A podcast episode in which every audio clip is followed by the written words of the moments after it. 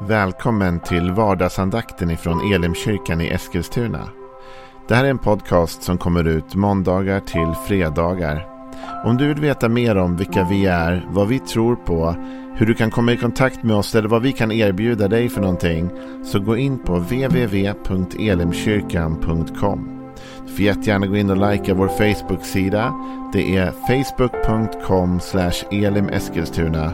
Eller så söker du upp oss på YouTube och då söker du på Elimkyrkan Eskilstuna. Vi vill jättegärna komma i kontakt med dig. Men nu lyssnar vi till dagens andakt. Välkommen till vardagsandakten.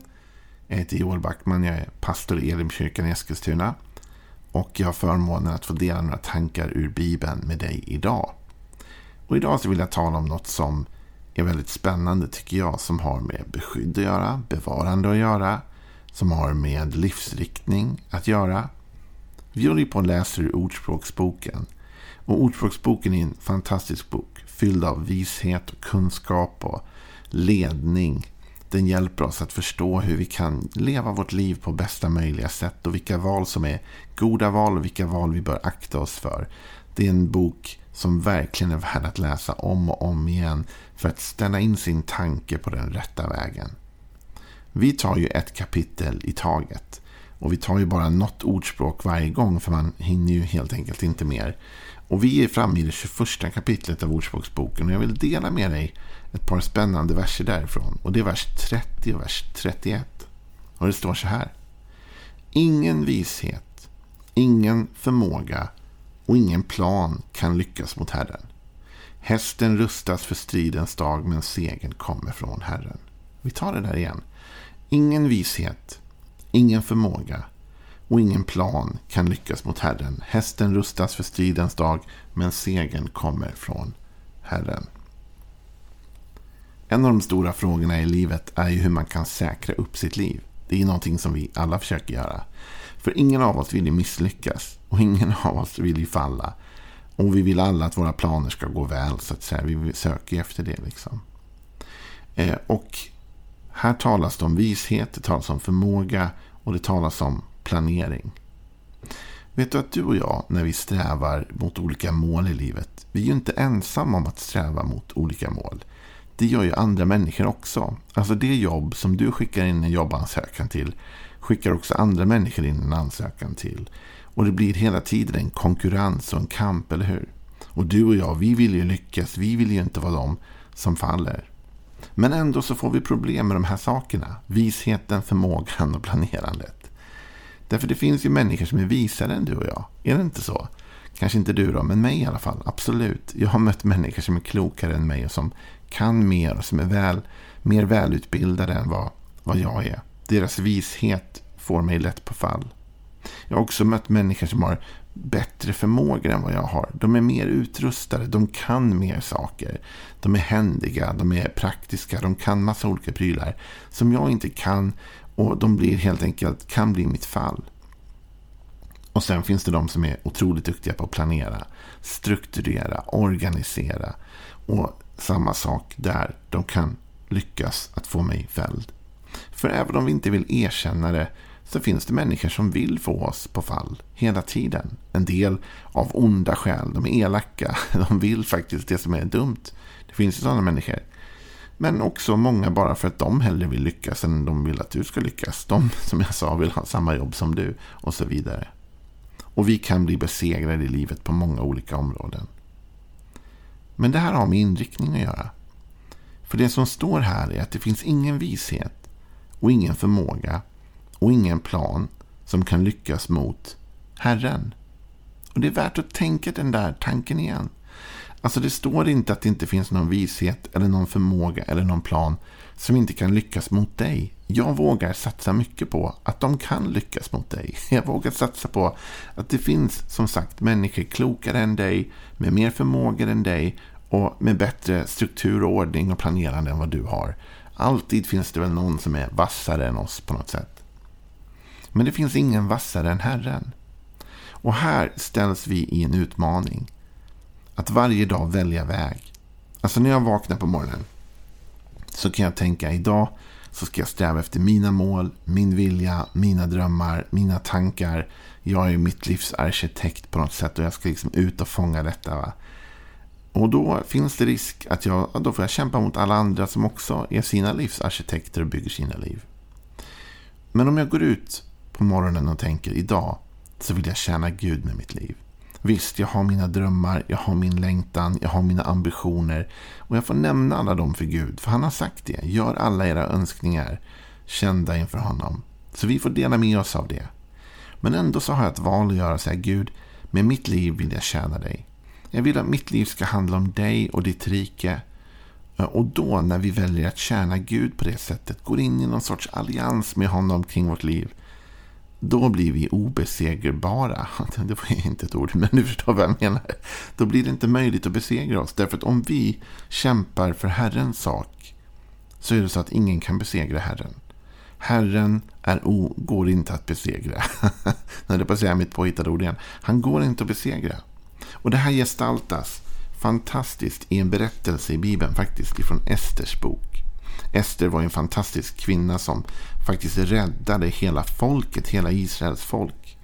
Ändå är det inte om just Ester jag vill säga några ord, utan om hennes morbror Mordecai.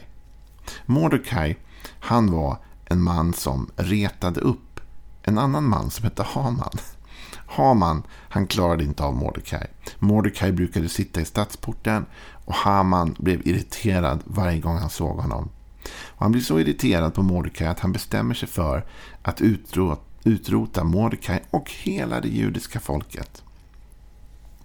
Och han sätter igång en plan för hur detta ska gå till och han kommer långt i sitt planerande. Men så helt plötsligt så börjar saker inte riktigt gå hans väg. Och helt plötsligt börjar det kännas som att Mordecai får honom att vackla lite grann. Och då utspelar sig ett spännande samtal mellan Haman och hans fru och deras vänner. Och det står så här i i Ester, det sjätte kapitlet och den trettonde versen. När Haman berättade för sin hustru Seders och alla sina vänner om allt som hade hänt honom sa hans rådgivare och hans hustru till honom Om Mordecai, som du börjat vackla för, är av judisk börd så förmår du ingenting mot honom. Han kommer att bli ditt fall. Det är en väldigt spännande reaktion han får här. För när han berättar om att hans planer har kört fast lite grann och att Mordecai tycks få övertaget. Då blir reaktionen från hans fru och från hans vänner. Ja, men om Mordecai verkligen är av judisk börd. Då har du inte en chans, är indirekt vad de säger. Då kan du inte besegra honom. Och vad beror det på? Beror det på att Mordecai var så kunnig? Beror det på att Mordecai var så duktig? Att han hade så mycket vishet, så mycket talang? Nej, det beror på att han var Guds. Israel stod ju för Guds folk, Guds egendomsfolk. Och det är just det faktumet som oroar vännerna och frun. Att han är jude. Att han tillhör Guds egendomsfolk. Och du vet, du och jag, vi behöver få lite självförtroende i de här frågorna. Om du och jag tillhör Jesus. Vi har gett vårt liv till Jesus. Och vi har liksom tagit emot honom i vårt hjärta. Vi till och med följer honom i dopets väg. Vi säger att ja, men Jesus, mitt liv tillhör dig. Och vi försöker leva med den inställningen. Alla misslyckas vi ju, det är inte så. Men vi försöker ha en inställning att vi vill leva för honom. Helt plötsligt så går det inte att besegra oss. Därför nu om någon strider mot oss så strider de mot Gud själv. Och mot Gud kan ingen segra. Mot Gud finns det ingen vishet, ingen förmåga och inga planer som kan lyckas. Utan Gud står alltid som segrare och vi får segra med honom. Paulus uttrycker så här.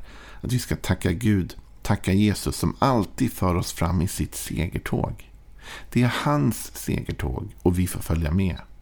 Det är inte så att du och jag är lovade att ha framgång i, all, i alla våra dagar och lovade att ha framgång i alla våra planer och allt vårt verk.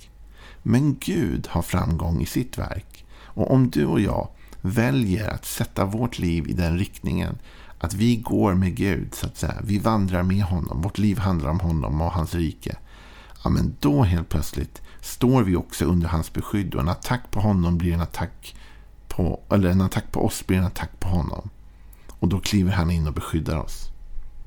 Jesus han talar ju om detta när han talar till Petrus. När Petrus har förklarat att han har insett att Jesus är Messias, den levande Gudens son. Då säger Jesus här till honom i Matteus 16 och 18. Och jag säger dig att du är Petrus, klippan. Och på den klippan ska jag bygga min kyrka och dödsrikets portar ska aldrig få makt över den. Vet du, Jesus säger inte till Petrus att dödsrikets portar aldrig får makt över Petrus. Han säger den får aldrig makt över kyrkan. Och när du och jag då tillhör kyrkan, tillhör Guds rike, så tappar döden sin makt över oss. Och vi måste välja den vägen såklart. Det här innebär inte att varje enskild kyrka aldrig kan dö. Det finns många kyrkor som läggs ner hela tiden runt om i hela världen. Det är inte det Jesus menar. Han menar att kyrkan som helhet, Guds rike som helhet, Guds folk som helhet går inte att besegras. Dödsriket får aldrig makt över det. Därför Gud går inte att besegra. Det var därför djävulen dödade inte Jesus. Det var ingen som dödade Jesus. Jesus säger det själv. Ingen tar mitt liv, utan jag själv ger det. Gud går inte att besegra. Han gav sitt eget liv, men han går inte att besegra. I Jesaja 54 så tar Gud de här tankarna vidare när han talar om Israel, han talar om sitt folk. Och han vill uppmuntra dem. Först uppmuntra dem om att de ska växa, de ska bli större. De är som en ofruktsam kvinna men hon ska få barn och så vidare. Och så kommer vi fram till slutet av det här kapitlet och då står det så här i Jesaja 54, vers 16. Se, jag skapar smeden som blåser upp kolelden och formar ett vapen genom sitt arbete. Jag skapar också fördärvaren till att förstöra. Inget vapen som smids mot dig ska ha framgång och varje tunga som angriper dig ska du i domen döma skyldig.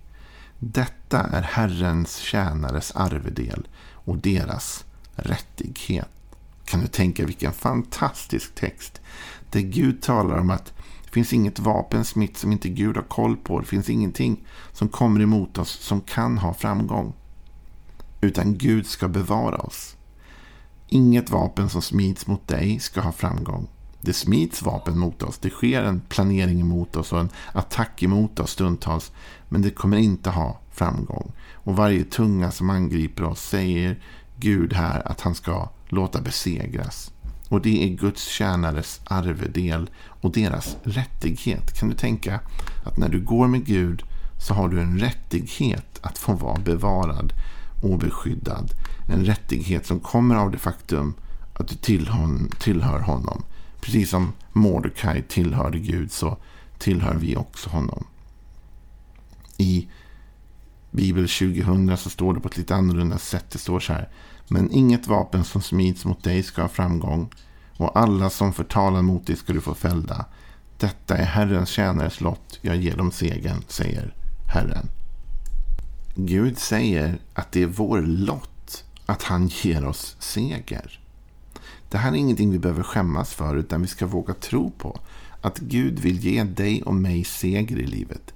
Gud vill låta dig och mig övervinna, inte bli besegrade. Men det är viktigt med vårt perspektiv. För om vi kämpar för oss själva, då kan vi bli besegrade. Om vårt liv bara går ut på våra egna planer och våra egna tankar så har Gud aldrig lovat att dina och mina tankar inte kan bli besegrade eller bli övervunna. Men när vi kämpar för hans rike, då har han lovat att, Guds, att, att dödsrikets portar får aldrig makt över församlingen. Och när vi kämpar för hans rike så har han lovat att inget vapen som smids mot oss ska ha framgång. Utan att vi ska få vara trygga för det är Herrens vad? Tjänare slott. Tjänarna, det är de som tjänar, eller hur? Tjänar vad? Tjänar Gud, tjänar hans rike. Så jag vill uppmuntra dig idag. Det finns ett sätt att säkra upp sitt liv. Inte från svårigheter, inte från utmaningar. Mordecai var väldigt utmanad. Och här står det till och med att vapen kommer smidas mot dig och mig och dödsriket kommer attackera oss. Så det kommer vara problem, absolut. Jesus sa i världen får ni lida. Men var inte rädda, sa han också, för jag har övervunnit världen. Och det är ju det som vi är vårt hopp, eller hur? Att även om vi blir attackerade, utmanade, prövade, tryckta så finns det seger i Jesus och det finns ett beskydd i Jesus. Därför kommer vi till honom med våra liv och säger Gud, Låt mitt liv vara efter din plan, efter din ledning så att jag står stadigt och så att jag står tryggt och så att jag inte behöver falla. För mot dig Gud så är det inget som segrar. Ja, ha en välsignad dag. Eh, imorgon är vi tillbaka med det 22 kapitlet och lite tankar därifrån. Vi ses då. Hej då.